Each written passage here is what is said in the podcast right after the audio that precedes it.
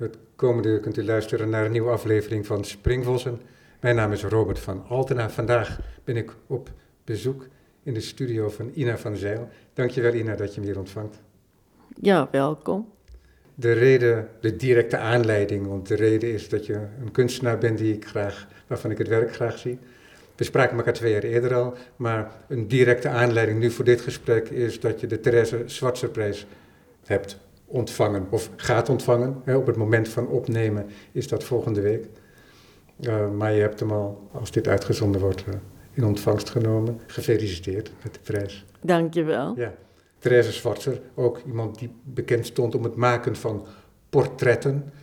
Nou heb ik jou als kunstenaar niet als een portretkunstenaar gezien.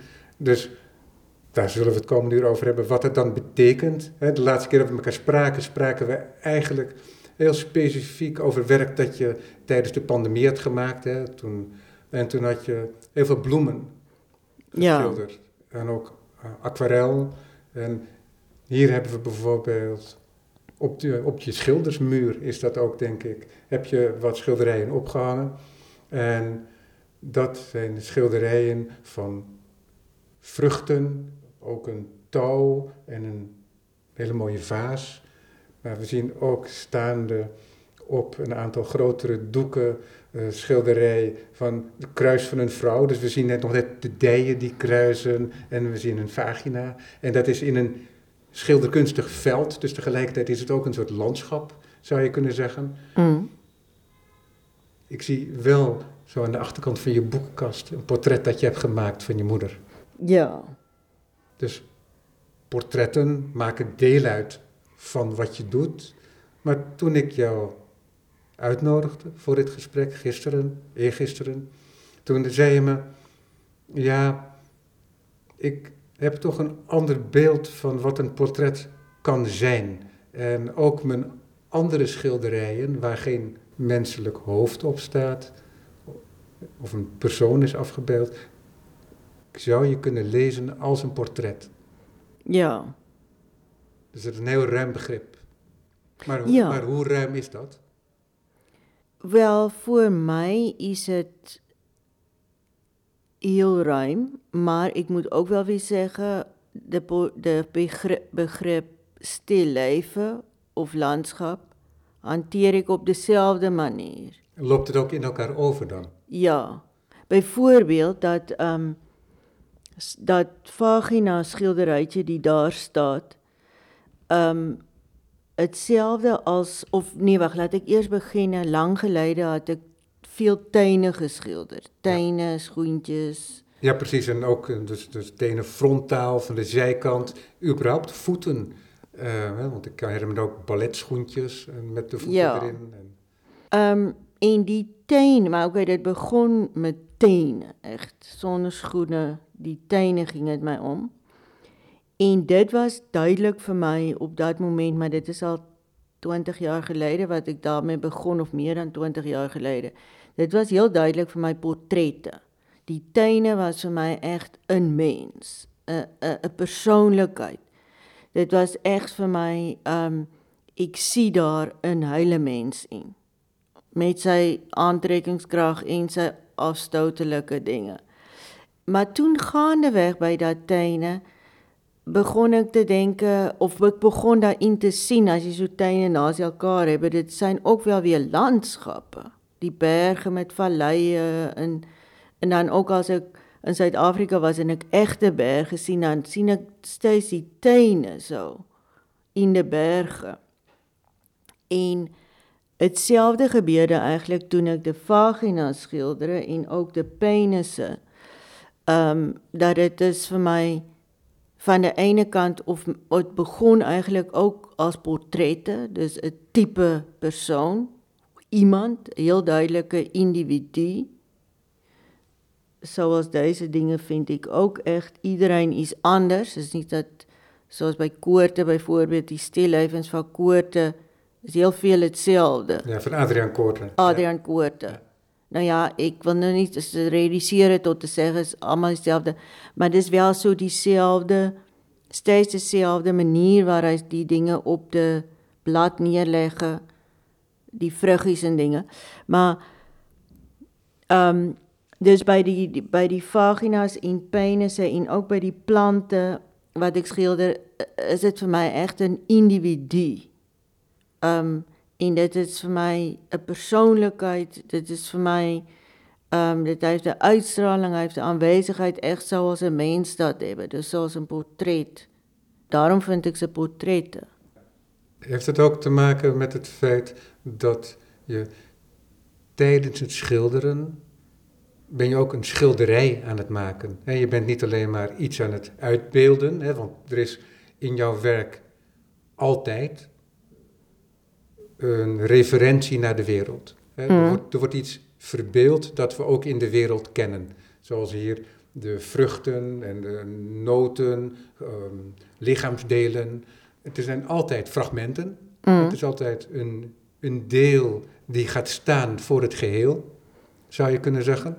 Ja, dat kan. Ja. En, maar wat, er, wat het dus ook doet, is dat door die combinatie, dus doordat je zo werkt op een detail, op een doek, dat het ook heel duidelijk over het schilderen zelf gaat. En over, want het is niet zo dat je volledig andere manieren van schilderen hebt waarin je steeds uitdrukt. er is een soort langzame ontwikkeling, zou je kunnen zeggen. Mm. Zeg ik, zie ik dat mm. goed? Dat is mijn perspectief hè, op hoe ik jouw werk zie. Ik zie wel onderscheid, mm. maar er zijn, wat, er zijn trage stromingen als het ware. En waarbij er een bepaalde stroming heel veel gelijkenissen kan hebben, ook al worden er hele verschillende dingen uitgebeeld. Ja, dat, dat is wel, zoals bijvoorbeeld, um, bedoel jij, als je nou hierna zou kijken, deze verschillende zaden, zijn dit in een touwtje en een vaasje. Um, maar toch is er een familieverwantschap. Ja. En dat heeft te maken met tonaliteit, met toets, met de kleuren, het palet, hè, want ze zijn heel harmonieus bij elkaar ook. Mm. Ze hebben natuurlijk ook allemaal hetzelfde formaat, staand formaat, vrij stijl. Dus waar hebben we het over? Laten we zeggen 75 bij 40, zoiets uit mijn hoofd. Ik denk dat het Ruwe schatting. 50 bij 30 is. Ach. Of 40 bij 30. Nee, nee, nee. Nou, zo 50 hoger, bij 30. Hoger dan 40. 50 bij ja, 30. Ja. ja, ze komen groter op mij over. Interessant is dat. Ja. Mooi. Maar dat je, terwijl je iets uitbeeldt, maak je ook een schilderij, mm. om daarop terug te komen. En dat is wat je ook doet. Hè. Je bent niet alleen maar bezig om iets uit te beelden, je bent een schilderij aan het maken. Ja. En in dat maken van het schilderij is het misschien niet gek als de verschillende genres in elkaar over gaan lopen. Want die komen allemaal terecht in dat schilderij maken. Ja, zo kan je dit, um, zo kan je dit zeggen. Maar, maar ervaar je dat zelf ook zo? Ja, ik ervaar het zelf ook zo. Tenminste, laat ik het zo zeggen, het portretgedeelte ervaar ik omdat ieder schilderij voor mij echt een individu is. Dus is anders dan de vorige. Niet dat ik in de vorige iets deed en denk, oh, dat ga ik opnieuw doen. Ieder schilderij is alsof ik nog nooit een schilderij gemaakt heb. Ze zijn Ze sien er hartstikke harmonieus uit as groepje hoor, maar dit voel niet zo as ek se maak. Ek heb geen idee of ze met elkaar so dit dit gebeur van self. Maar dus dat portretgedeelte is omdat iedereen vir my echt 'n nuwe individu is wat ek van nul af aan gaan maak. En ehm um, dit stillewe vind ek omdat in dit geval is dit objekte, dus dit is nie 'n mens maar toch is het ook iets wat stilstaat. Het is niet een bewegende um, persoon of iets wat beweegt. Het is een stilstaande ding, dus statisch. Dus dat is voor mij het stilleven aspect. Sta statisch en als het niet al geheel beeldvullend is, zoals met het schilderij van de vagina hè, die we hier hebben, mm. dan is het wel dat het geïsoleerd is. En ja. met geïsoleerd is dan heel belangrijk om te zeggen, geïsoleerd ook vanuit de wereld. In die zin dat het echt een schilderkunstige wereld wordt, waarin de ruimte niet is vormgegeven. Mm. Want er is geen aanduiding van, eh, van ruimte Nee. in het, in, het, in het vlak, wel in de figurering. Mm. Daar is wel zijn schaduwen, ehm, aanzet van omtrek soms. En ehm, je schildert ook zo dat de ruimte om het gefigureerde wordt geschilderd en ook lichter wordt aangezet, zodat het ehm, er tegen afgezet wordt, Mm. hè, dat het loskomt. Ja. Dus er is wel een ruimtelijkheid, maar er is niet als zodanig een ruimte weergegeven. Nee. En waardoor het ook een soort schilderkunstige ruimte wordt, Ja. zou je kunnen zeggen. Ja, niet de geïllustreerde ruimte. Ja. Maar dus ik vind, ehm Ek vind dus ook duise dinge van of skilderye van plante voornaamlik of dat toutjie of dit vaasje vind ek gelyktydig ook figure. Ja. Maar dan nou nie letterlik figure, maar dan asof byvoorbeeld daar syn drie sade, daar syn vier as jy goed kyk. Ja. Daar syn weer drie Dat touwtje kan een beetje soos 'n figuurtjie uitsien. Dat lyk ook as 'n as 'n persoon, 'n figuur sou ek daarin kunnen sien, dat vaasje ook. En dan in deze derde van links kan jy weer 'n soort vagina sien daar aan die regterkant. Ja. Dus ehm um, 'n hele sein met mens, met objek, met landskap, met heuvels, met valleie, met volume, met rondinge, al die dinge probeer ek as dit ware saam met 'n balle en wat ek ook al skilder of dit nou nou 'n gesig is en of dit 'n 'n objek is of landskappe. Ja, je schildert de levende wereld, zou je kunnen zeggen.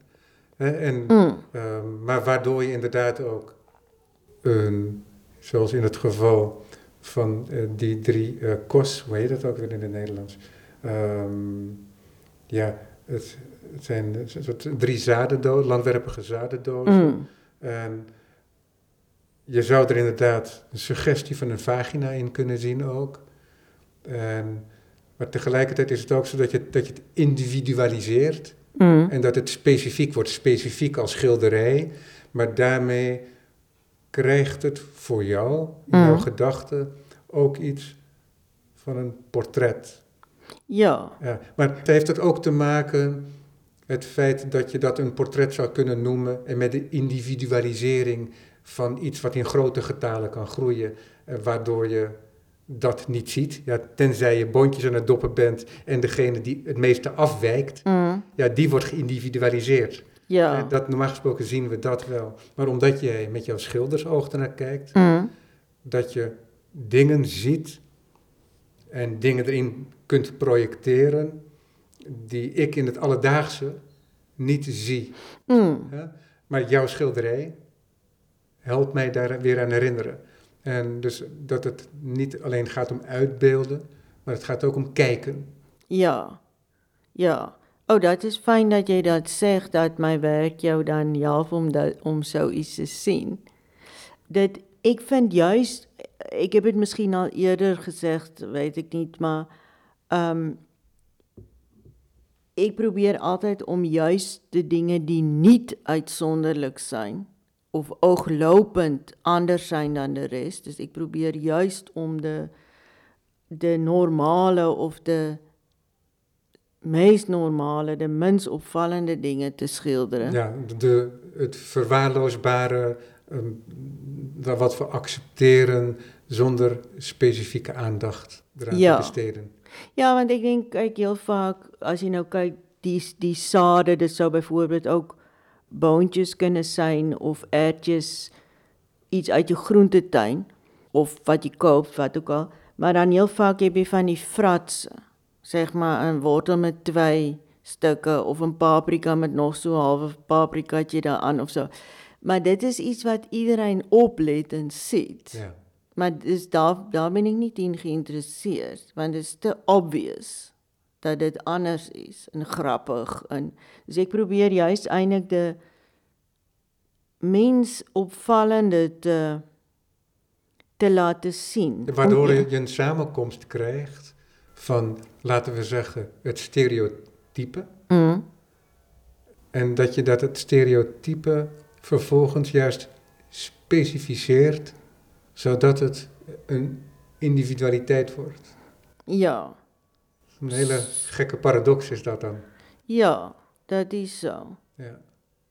Maar ek dink ook ehm dit dit is eintlik ook hoe hoe ek kyk of dit is een van die dinge wat ek vind in het lewe in het algemeen wat my heel erg interesseer. Omdat byvoorbeeld as jy na mense sou kyk, daar zijn soveel mense. En heel veel mense sien jy nie eens of let jy nie eens op.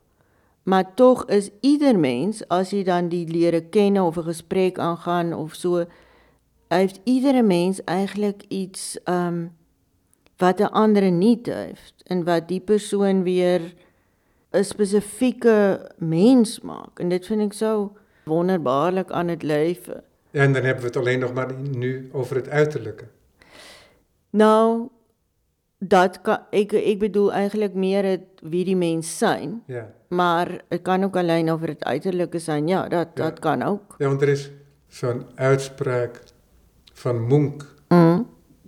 Die zegt dan, ja, we moeten de stoel niet uitbeelden zoals we hem zien, maar zoals de mens hem heeft ervaren. Ja, presies, ja. Ja, dus uh, En dan ja, kom je in de zee van mogelijkheden terecht. Omdat al die verschillende mensen ook juist ook allemaal dus hetzelfde op een andere manier kunnen ervaren. ja. Ja. En dat specifieke, dat is eigen aan de kunst. Hè? Dat hoor je bij Jozef Albers hè? Met, zijn, uh, met zijn kleuren rood. Dus als je aan 50 mensen vraagt om zich de kleur rood voor te stellen, Mm. dan hebben ze allemaal een eigen kleur. Ja. En dat is waar jij als kunstenaar elke dag bij stilstaat. Maar toch Mm. is het ook zo dat elk schilderij dat je maakt ook een portret is, zou je kunnen zeggen, van de kunstenaar Ina van Zijl. Ja, het is onvervreemdbaar een werk van Ina van Zijl. En dat is ook het gekke daarvan, omdat je dat elke dag dat je werkt, probeer je voor jezelf opnieuw uit te vinden wat een schilderij van Ine van Zijl zou kunnen zijn.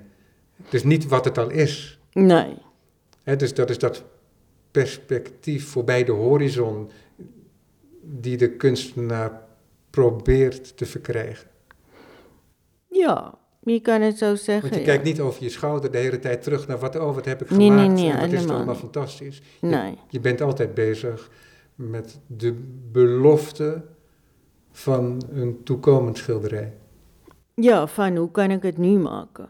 Wat als ik dat doen, wat als ik dat doen? Dus ja, inderdaad de belofte van een nieuwe schilderij. Ja. En wat gaat het opleveren? Ja.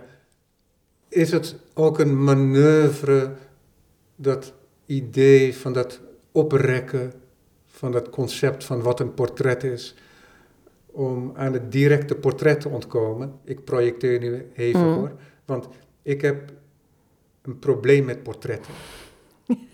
Vertel. Ja, ja ik, vind dat, ik vind dat heel ongemakkelijk. Ik vind het heel, Oh. heel moeilijk. Dus ik omarmde ook de mogelijkheid toen jij een serie bloemen had geschilderd, om jou als eerste keer te spreken over die bloemen. En ik, toen dacht ik van ja, nu moet ik toch echt eh, mijn koud watervrees overwinnen, nu je die portretprijs hebt gekregen.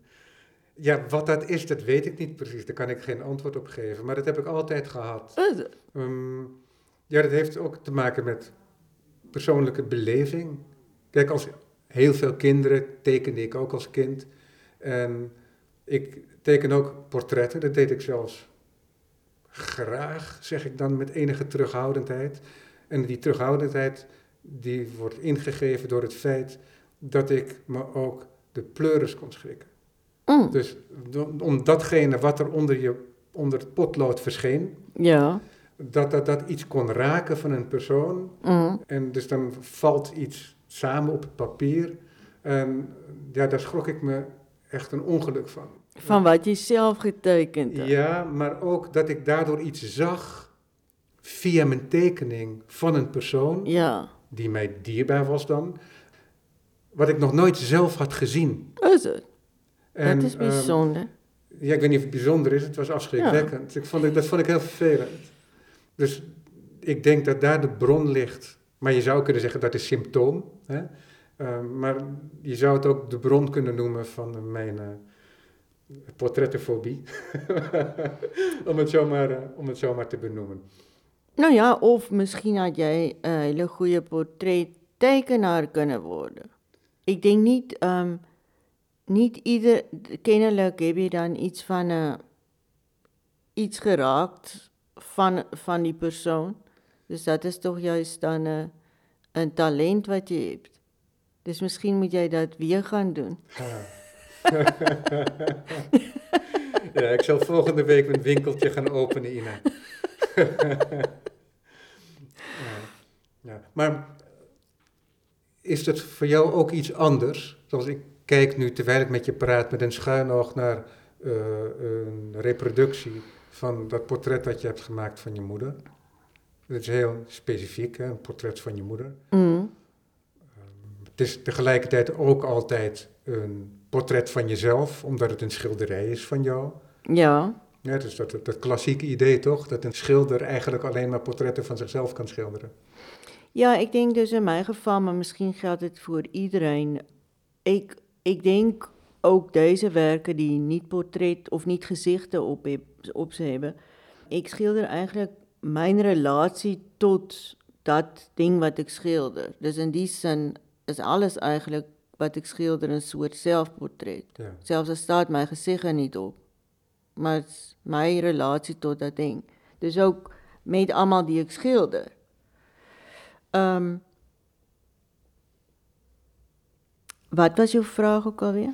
Nou, of, kijk, we hebben nu vastgesteld dat voor jouw manier van schilderen en de manier waarop je je relateert tot dat werk van die, in die verschillende genres, om het zo maar te zeggen, hè, de uitbeelding van ehm, door mensgemaakte objecten, ehm, door fragmenten van natuur en dan heel vaak de zaden Mm. daarvan en de vruchten Mm. en de portretten. Of die portretten, hè, dat zijn dan allemaal in zekere zin portretten, Mm. maar of de portretten van, de, van mensen, dus de gezichten die je schildert, of dat niet toch iets anders is voor jou.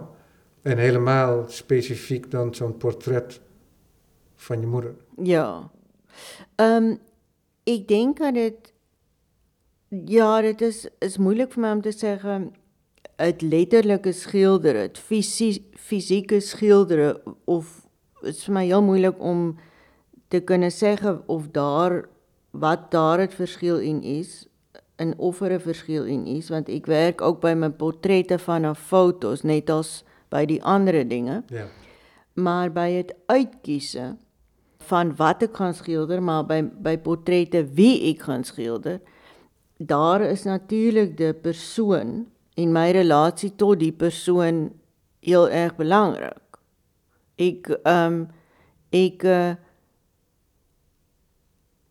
ik schilder wel mensen, ik, nou ja, ik doe, heb ook wel eens portretten in opdracht geschilderd, dus dan ken ik die personen niet echt. Ik heb ze ontmoet, maar ik eh, ken ze niet zo goed. is die ontmoeting dan belangrijk? Ja, dat is belangrijk om, want ik, je voelt toch heel snel wat is iemand zijn uitstraling.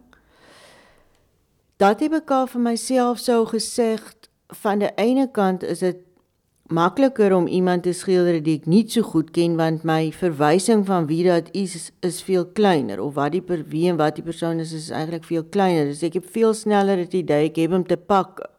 Terwyl by iemand wat ek heel goed ken, realiseer ek my meer gom maar die persoon is veel meer dan dit wat ek kan pakke.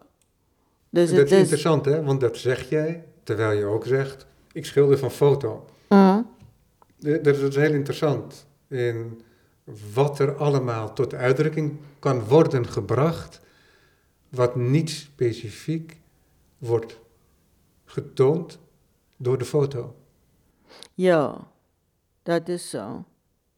dat is zo. En, de, en, en dat zeg ik ook, um, met in ogenschouw nemen, dat jij niet allerlei gekke dingen gaat toevoegen. Mm. je werkt niet met attributen en je werkt ook niet met, met karikaturale uitvergrotingen, waardoor je dingen tot uitdrukking zou kunnen brengen. Dus het is helemaal binnen jouw schilderkunstige taal. Mm. Breng je kennelijk iets tot uitdrukking, wat niet specifiek wordt geleverd door de foto. Ja, dat is zo. 'n soort uitstraling of aanwezigheid. Ja. Denk je dat in woorden of is dat iets wat tijdens het maken ergens tussen je penseel en je verstand ontwikkelt? Dat laatste, dat laatste. Ek kan dit ek ek sou nie weet hoe om dit te in woorde te te omskryf.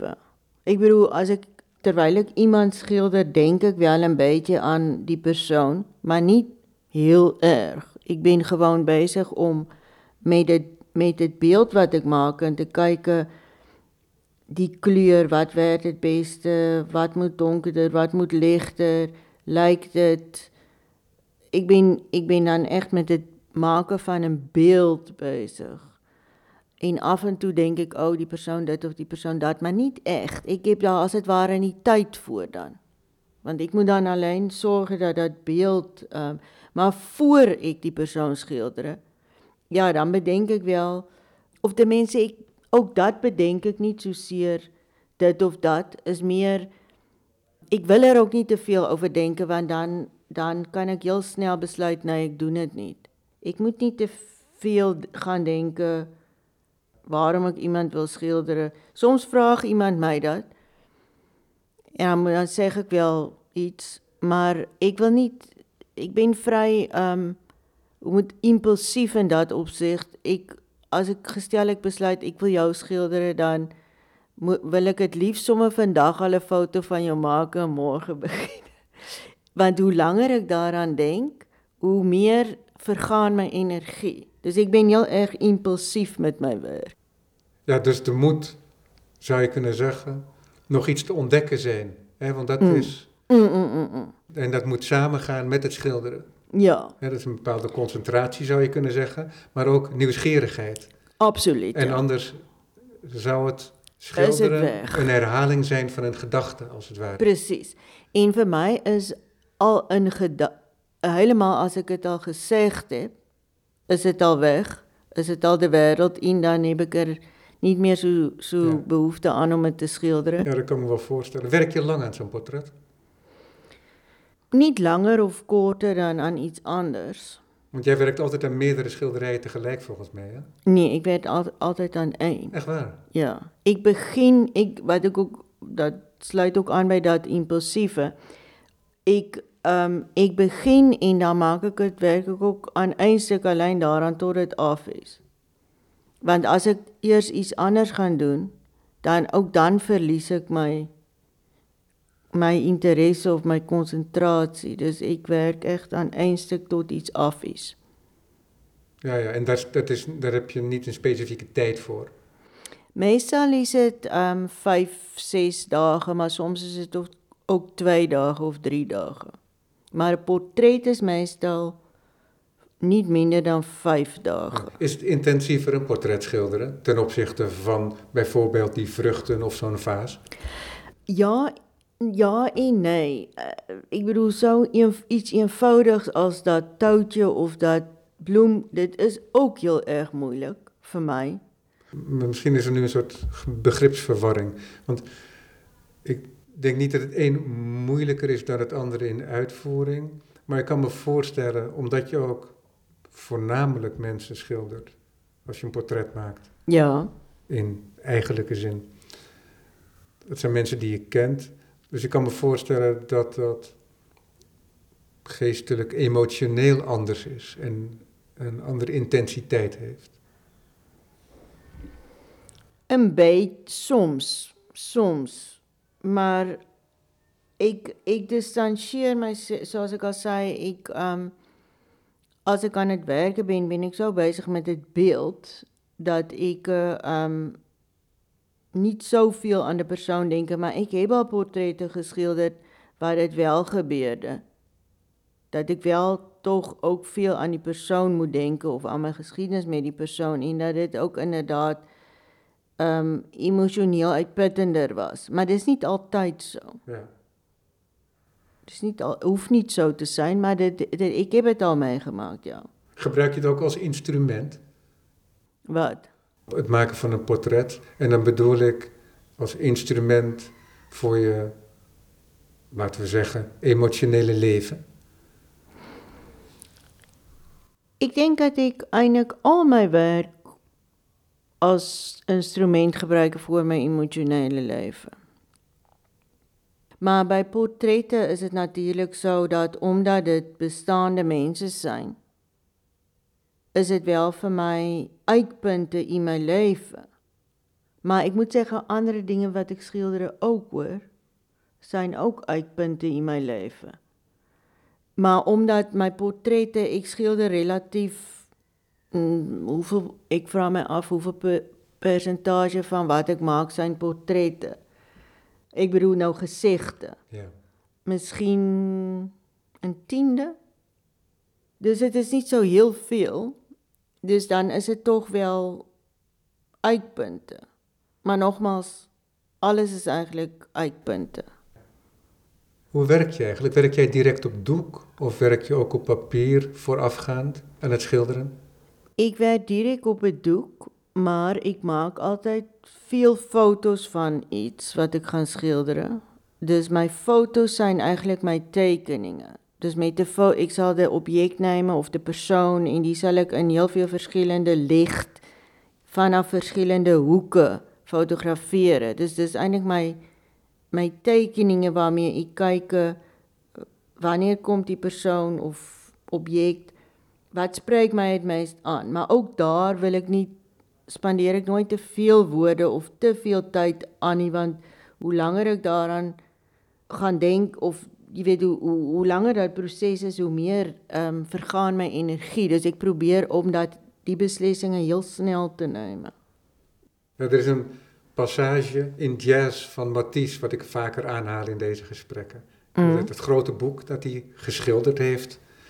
En dus ook de teksten die hij erin schrijft met heel groot handschrift, met penseel. Mm. En een van die stukjes die gaat over het feit dat hij oproept hoe hij een boeket verzamelt, wandelend in een veld. Mm. En bloem na bloem in de kom van zijn arm legt waardoor er zich een mooi boeket vormt.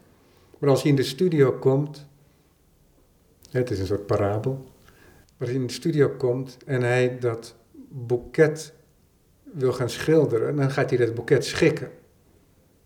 En dan is het heel moeilijk om de natuurlijke harmonie van het boeket, zoals hij die verzamelde, samengesteld door toeval, mm. uh, om dat te herscheppen.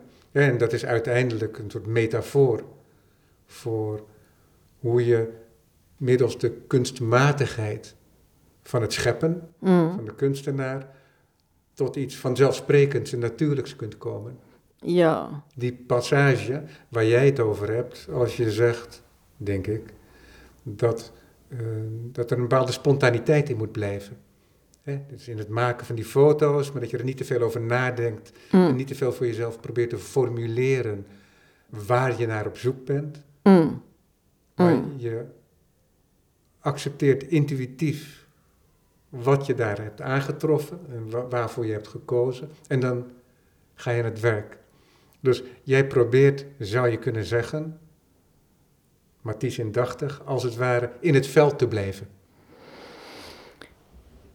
voor zover dat mogelijk is, ja. Ja. Ja. Dus die kunstmatige passage van het herscheppen van het boeket, om mm. het zo maar te zeggen, dat probeer je over te slaan.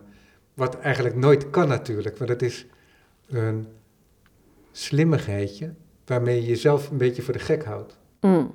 Zou mm. ik zeggen. Ja, die is ook zo, ja. ja. Want net zoals dat ik, als ik een tekst ga schrijven, dan zeg ik altijd tegen mezelf: ik ga beginnen met het maken van een notitie voor de tekst die ik ga schrijven.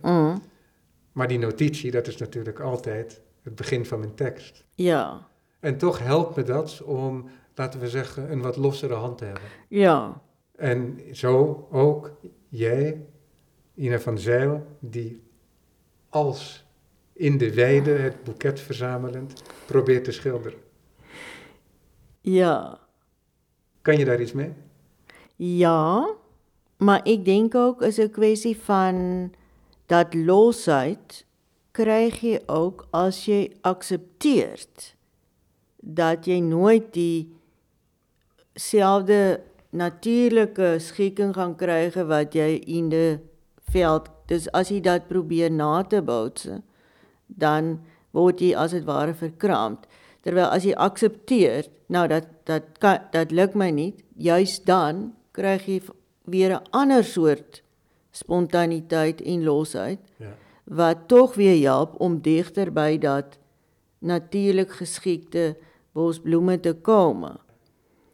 Dus ja, ek dink toe ek toe ek vroeger, toe ek meer begon met skildere, dan probeer jy nog om dat boeket te nader, maar dan dis o- iets wat jy dan leer. Dus jy word eintlik meer ontspanne in jou werk en dan kom jy tog weer digter by dat natuurlike uit, dink ek. En weet jij hoe je dat verkregen hebt? Die ruimte?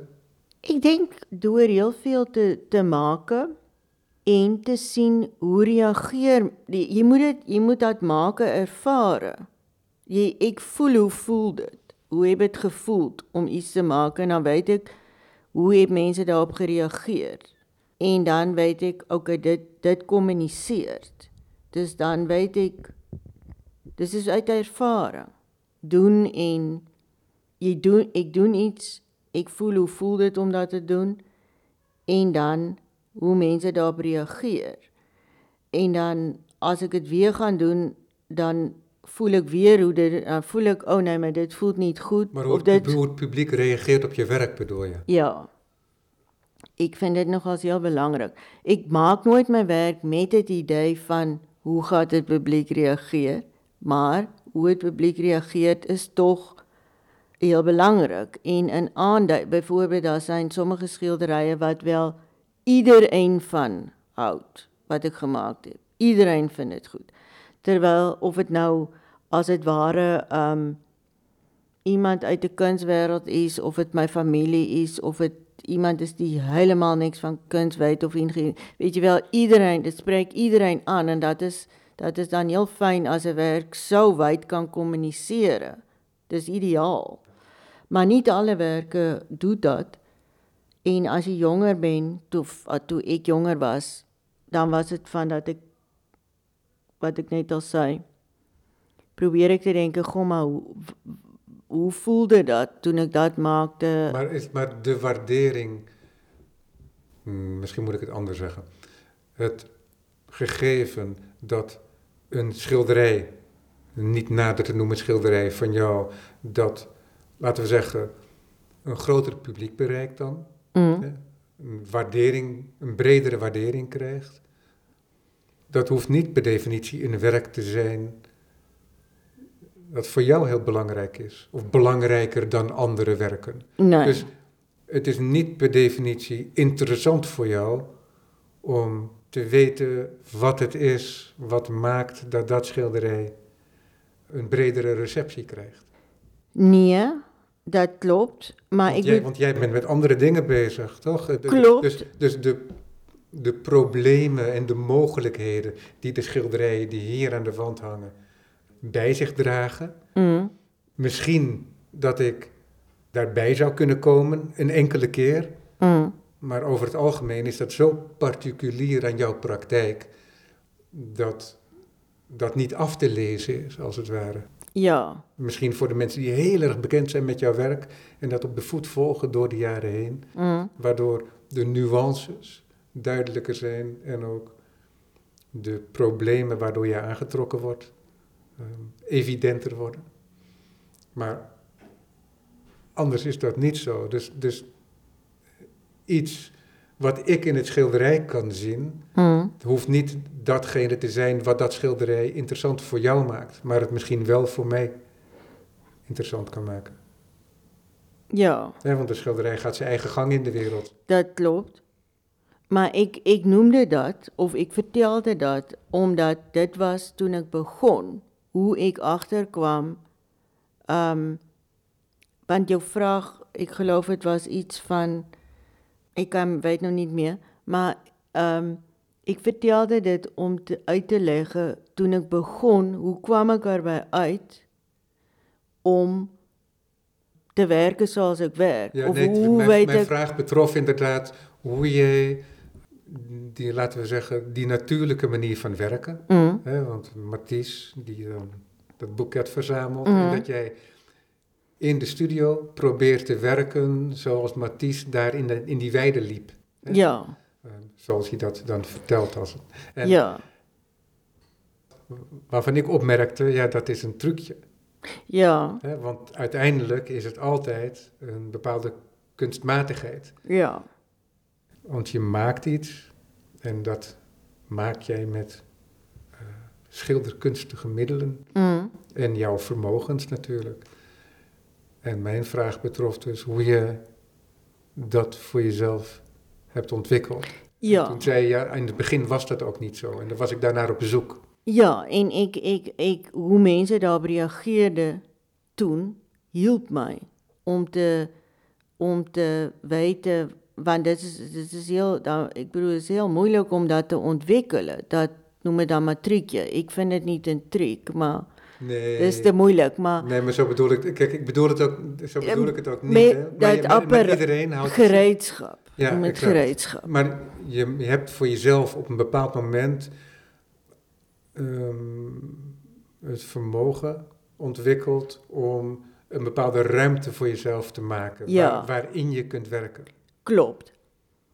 En dus dat dat dat ontwikkel proses, proses waarmee ek dat ontwikkeld heb, dit was dus in het begin van my carrière as skilder en daar heeft het de reaksie van het publiek heeft daar vir my wel veel in geholpen om Ja. dat te ontwikkelen. Ja, verrassend vind ik dat. Is dit? Ja, Nou, dis nie dat ek nogmaals, ek wil dit ek het dit al gesê, maar ek nog 'n keer sê, is nie dat ek maak om my publiek te please, nee, dat nie, ook maar dit help my, help my om agter te kom wanneer kommuniseer my werk. Ja. En maar nog maar nogmaals om de, in dat plek te belande waardoor jy die ontspanning bereik. Dan moet jy heel veel voormaak voordat dat 'n bietjie vaak gebeur. In het begin gebeur dit maar so eens in die vyf skilderye of so. Jy weet is nie so, maar nu as jy ouer word dan en meer ervaring het, dan ben jy veel sneller in dat ontspanning.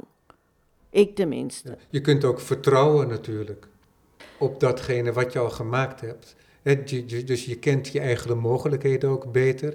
Je kent je eigen verkenning beter. En je weet veel meer, neem ik aan, eh, waar je naar op zoek bent. Nee. Niet? Dat juist niet. En dat vertrouwen is er ook niet, geloof het of niet. Dat, dat ieder schilder, of tenminste ergens is het er wel, maar jy, of tenminste, nou ja, ik weet een beetje wat, beter naar waar ik op zoek ben, misschien ja. Maar dit is nog nooit, dit is nooit precies. Oh nee, maar ik heb het ook niet over een eh, formidabele eh, zelfovertuiging. Kijk, Atusa, Ja, Atusa Bandet die, die ik sprak voor deze serie, die Mm. zei, ze zei het anders, maar die zei eigenlijk, ja, twijfel is de basis van de kunst. Mm, Eigenlijk zei zij, twijfel is de basis van het leven. mm. En dat is denk ik waar. Ja, ik ook. Dat is denk ik waar, want dat maakt dat je oplettend blijft. Zeker. Ook. Zeker. Maar nee, maar ek dink ook dat wy ek nou dat jou miskien bedoel jy dit nie so letterlik as wat ek daarop reageer. Ja. Maar ehm Nee, maar het is goed om het te benadrukken. Je hebt gelijk. maar ek bedoel de, over dat twyfel gesproke of vertroue wat jy sê. Ek sal moet obviously vorm van vertroue hê, anders sal ek nie doorgaan, maar by ieder skildery heb ek wel nog al is die so klein as hier hang, is syner 'n moment waarop ek denk dit gaan my nie lukke of dat ek kyk na dit ander werk wat er hang in my ateljee en dat ek dink, heb ek dit gemaak? Heb ek dit gemaak? Kan ek dit? Jy weet, dis dat vertroue is heel vlak as jy aan dit werke ben. En dan as dit luk is ag, oh, God se dank. Maar Ek in kan een, in één nog. sessie kan het ook van kan naar helemaal andere weg zijn. dis by iedere skildery is daar 'n moment waar my vertroue nul is. Maar dan ehm um, dat is so onaangenaam. Ek wil van dat onaangename gevoel af so snel moontlik. En dan werk ek so snel moontlik deur om verby dat punt te kom want ek dat die vertroue heb ek dan wel dat hopelik kom dat weer terug dat dit wel lukt. Maar daar's altyd 'n moment van wanhoop, korter of langer per skildery. Maar dat het schilderij je uit de vingers glipt. Ja, noem dit maar so, ja. Dat dit lyk maar dit ek kan nie meer skildere. Maar dat is tegelijkertijd de voorwaarde van het schilderen. Blykbaar. Vir my. Maak jij lange dagen? Of is dat met name op die dagen die wat frustrerender zijn, dat je doorzet? Nee, ek ehm um, ek dink nie dat ek ekstreem lange dae maak, maar ek ben wel van alles of niks. Ja. Dus as ek werk dan werk ek 'n paar uur agter elkaar deur sonder dat ek my bewus is van die tyd. En as ek as zeg maar ek werk ek ben nie aan 'n skildere dan dan ben ek ook heeltemal nie aan 'n skildere. Dus um, ek ben vry eksplosief in my ekspressief wag hoe ek ek noem myself op 'n gegeven moment 'n action painter. Want ek ek ek doen so van alles en nog wat op die doek en dit gebeur so snel en en in een keer dat ehm um, dit dit proses is minder besa of minder ehm um, langsaam dan dit werk uiteindelik uitsien. Ja, want het ziet er, het heeft ook altijd een zekere bezonkenheid. Het heeft ook te maken met het feit dat jij de, de dingen ook een bepaald gewicht krijgen in je werk. Maar tegelijkertijd is het ook zo dat precies datgene wat het gewicht geeft, dus de kleuren, een bepaalde verzadiging, Mm. dat dat ook hetgene maakt dat het schilderij aan je ontsnapt. Omdat uh, de, de schilderijen, dat zie je ook in je portretten, dat er, zou je kunnen zeggen, een bepaalde olieachtigheid in zit. Mm. Dat Mhm. olie op water, dat er zo'n alle kleuren tegelijk aanwezig, maar alsof het instabiel is tegelijkertijd ook. Dus enerzijds is het vast, maar Mm. tegelijkertijd heeft het die instabiliteit daarvan ook, waardoor je schilderijen heel levendig zijn. En dat zet jij vrij ver door. Ja, Dat is een soort denaturalisering, zou je kunnen zeggen, bijna, ja. in je werk. Omdat het niet per definitie iets is wat je zomaar in het alledaagse aantreft. Maar dat is echt iets wat hier ontstaat in, Ja. in deze studio. Ja, dat is so ja. Ek vind dit interessant dat jy dat vloeibare noem van olie en water. Want ek het die laaste tyd ehm um, wel eens portrette. Ek heb nu weer een, maar die is nu nie hier, maar sommige portrette soos byvoorbeeld deze. Ek vind dit net ehm um, die huid vind ek net 'n doet my denke aan die waterlelies van Monet Zeker. want dit is soveel kleur en dit is so subtiel en ook die tipe kleure is dat waterlelie-agtige dus dat is Ik mag, mag ik het portret even heel kort beschrijven? Dat is om, een Ja, mogelijke hoor. opgave natuurlijk, maar ik kan wel een aantal keuzes aanduiden die je hebt gemaakt.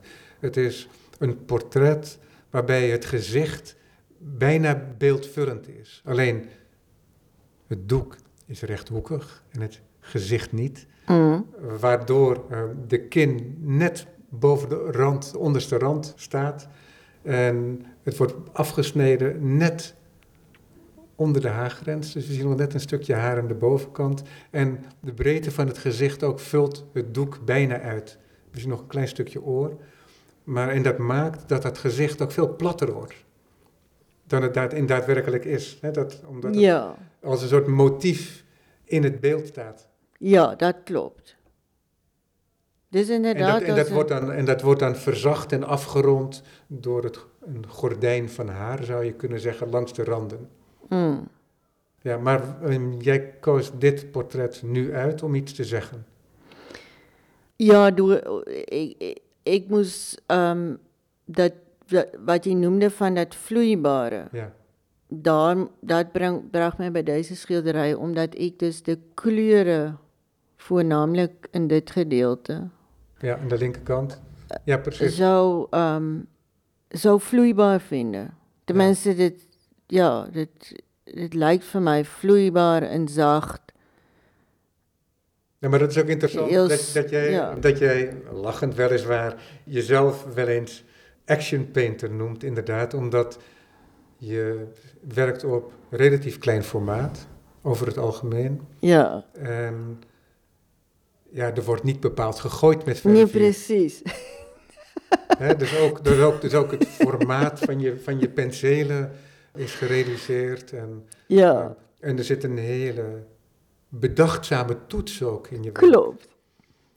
Maar er is wel een hoge vorm van concentratie en een soort continue vorm van werken, waarbij jij, denk ik, weinig afstand neemt om na te denken en voor jezelf te formuleren waar je mee bezig bent.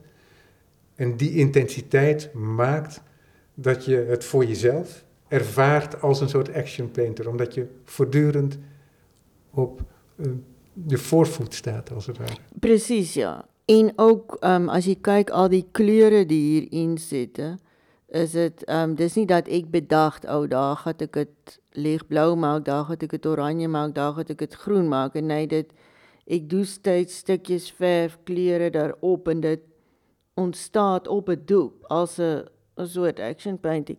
Ook as jy na die wand kyk. Maar je bedoelt dat, dat je nat in nat werkt dan en dat het dan in elkaar over kan lopen? Uh, nie lope, maar ek kan dit in mekaar overveeg. Ja, nee, precies. Zo bedoel En ik dat. dan ehm dan ehm dis tog 'n bietjie soos 'n action painter. Maar ek bedoel ook met action painting dat dit so f- in my opinie vry eksplos ek bedoel dit dit, dit lyk daai langsaam maar dit kom eintlik heel snel tot stand. Maar wat heel interessant is nu, is dat jij mij en de luisteraars heel dicht bij het maken brengt. Mm. Want dit portret, dat is net iets groter dan levensecht, volgens mij herinner ik mij. Ik heb het ooit bij Onrust gezien. Ja, nou is tog wel twee keer so groot keer so as groot, egte ja. Maar, egte maar, hoofd. maar wat jij doet met wat je nu vertelt, Mm. is dat je ons heel dicht brengt naar de huid van het schilderij. En zoals jij het ervaart, Mm. wanneer je eraan werkt. Ja. En dat dat allemaal hele kleine, maar energieke microgebeurtenissen zijn. Klopt. En die microgebeurtenissen zijn in die concentratie eh, levensgroot. Hè? Want die vullen op dat moment jouw, jouw, jouw wezen als schilder ook vervullen. En, en dat is heel interessant, want dan komen we heel dicht, door jouw opmerking, eh, bij, bij dit maken. Mm. En wellicht dat de luisteraar dan dat idee dat je daar met ons deelt van de Ina van Zeil als action painter ook beter kunnen begrijpen. Want voor mij, ik ben nu helemaal doordrongen van eh, de waarachtigheid van die opmerking als het ware. Mm. Dus dat is mooi. Leuk. Ina, wij spreken elkaar vast nog wel een keer. Ja. Ja. Dank voor dit gesprek en nogmaals gefeliciteerd met de Therese Zwartse prijs. Dankjewel. Dank voor het luisteren.